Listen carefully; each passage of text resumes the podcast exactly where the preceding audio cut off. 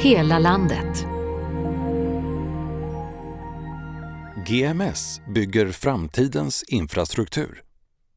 Sedan 2017 bygger Genomic Medicine Sweden en infrastruktur som ska ta Sverige till en världsledande position inom precisionsmedicin. Initiativet genomförs i samarbete med flera olika samhällsaktörer. Utvecklingen av genetisk sekvensering har gått fort de senaste åren och numera kan man analysera en persons hela genom på bara några få dagar. Fram till nu har sådana storskaliga sekvenseringar skett inom forskningen, medan man i den kliniska sjukvården har använt små paneler med färre analyser. Nu börjar mer omfattande sekvenseringar flytta in i sjukvården, men tillgången till den nya tekniken varierar mellan olika sjukvårdsregioner. Ett av målen för GMS är därför att göra tillgången likvärdig över hela landet.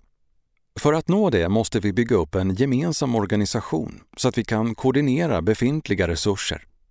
Dessutom krävs en helt ny IT-infrastruktur, säger Rickard Rosenqvist Brandell, professor i klinisk genetik och ordförande i ledningsgruppen för GMS. Utifrån en förstudie som blev klar i juni 2018 formerades en organisation under sommaren och början av hösten.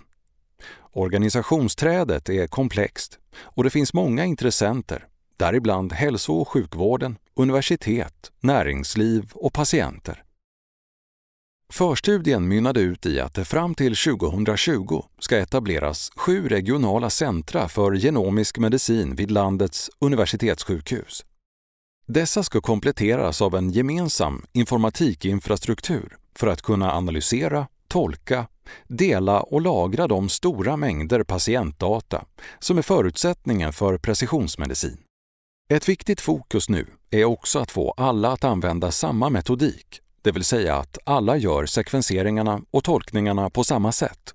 Vi behöver enas kring vilka metoder vi använder det betyder inte att vi måste köpa in likadana sekvenseringsmaskiner, men vi bör använda oss av samma analysmetoder och tolkningsstöd. Samtidigt måste vi hitta ett dynamiskt arbetssätt så att vi kan ta in nya analyser i takt med att det kommer nya rön, säger Rickard Rosenqvist Brandell. Inom cancerområdet kommer de regionala centren för genomisk medicin att göra pilotstudier där man analyserar många fler gener än idag. Vi är i början av en förvandling där vi tar en teknisk revolution vidare till en medicinsk revolution.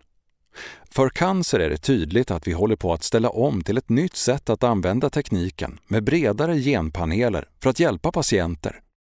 Ett mål på längre sikt är att GMS med all genererad data om DNA och dess betydelse vid olika sjukdomstillstånd ska bli en nationell forskningsresurs till exempel för utveckling av nya läkemedel och diagnosmetoder. Det skulle bli den guldgruva av data som efterfrågats i decennier av sjukvård, akademi och industri. Möjligheterna som uppstår när en databas med genetiska data kopplas ihop med till exempel nationella kvalitetsregister skulle revolutionera precisionsmedicinen.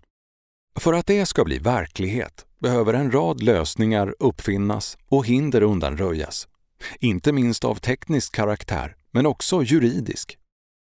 Man behöver till exempel klargöra vad juridiken säger om att länka samman information i en databas med ett kvalitetsregister eller om att hantera stora mängder patientdata som kopplats till ett forskningsarbete. Rickard Rosenqvist Brandell är hoppfull. Han menar att Sverige ligger långt framme internationellt sett, även om det finns länder som på pappret ser ut att ha kommit längre. I Europa har 14 länder liknande initiativ. En framgångsfaktor för Sverige är att initiativet har tagits av eldsjälar i sjukvården. Vi har arbetat med frågorna sedan 2012, även om vi använt en annan språkdräkt och inte pratat om GMS. Om cirka två år tror Rickard Rosenqvist Brandell att de fått fart på de sju regionala centren och att de analyserar, tolkar och rapporterar in på ett likvärdigt sätt. Det som kommer att ta längst tid är att konstruera ett dataregister som kan kommunicera med register i andra datasystem. Det mest logiska är att använda befintliga system. Men vi tror att vi måste bygga något nytt så att alla sju centren har samma. Efter det får vi lösa hur vi ska koppla till de befintliga registren, som kvalitetsregister och biobanker